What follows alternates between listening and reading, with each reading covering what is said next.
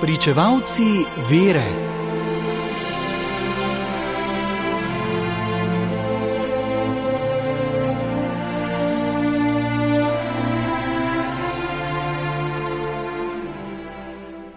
Danes zgoduje sveta Cecilija, rimska mučenka iz 3. stoletja. Nedeljskega in prazničnega bogoslužja si kar ne moremo predstavljati brez petja, brez spremljave orgel ali vsaj harmonija.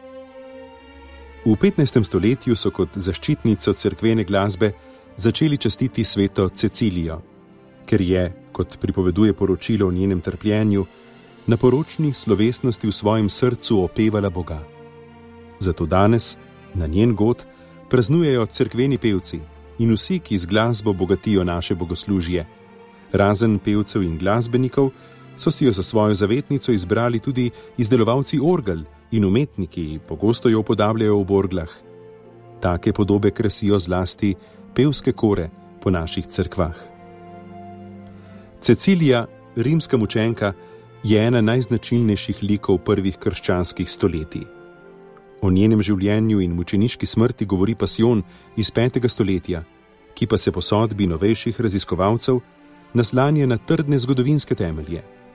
Ta mučenka zanesljivo ni legendarna oseba.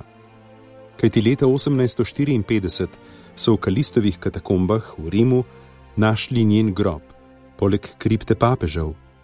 Ta najdba se ujema z navedbo Pasjona, da je papež sveti Urban I., ki je crkvo vodil v letih od 222.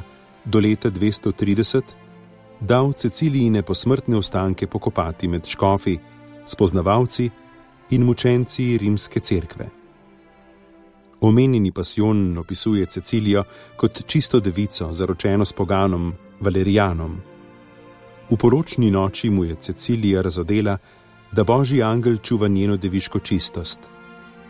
Soproga je prosila naj sprejme vero v edinega Boga in se da krstiti, potem bo tudi on mogel videti angela, ki bo tudi njegov varuh.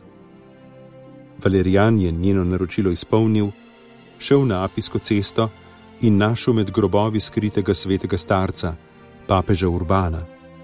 Ta ga je poučil v veri in ga krstil, ko se je Valerijan vrnil k svoji ženi, je zagledal ob njej angela, ki je podajal venec iz lili in vrtnic. Valerijan je za krščanstvo pridobil tudi svojega brata Tiburcija. Ponudila sta se, da bosta pokopala mučence, ki jih je bil dal usmrtiti mestni prefekt. Bila sta izdana, prišla sta v ječo in prefekt jo je obsodil na smrt z obglavljanjem.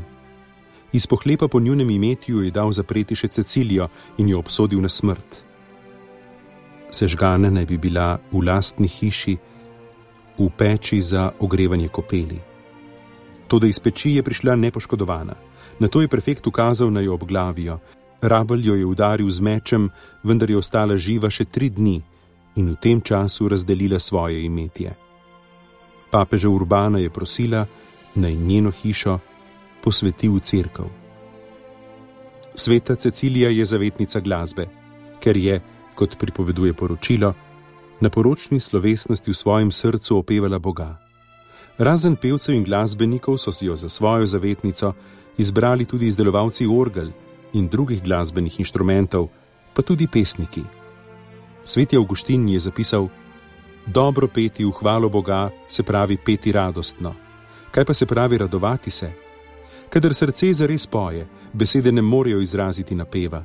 Vriskanje pa pomeni, da srce govori, česar usta niso v stanju izreči. In kdo more biti bolj povod za veselje kot neizrekljivi Bog? Tako sveti Augustin. Brali smo iz knjige Svetnik za vsak dan, ki jo je napisal Silvestr Čuk.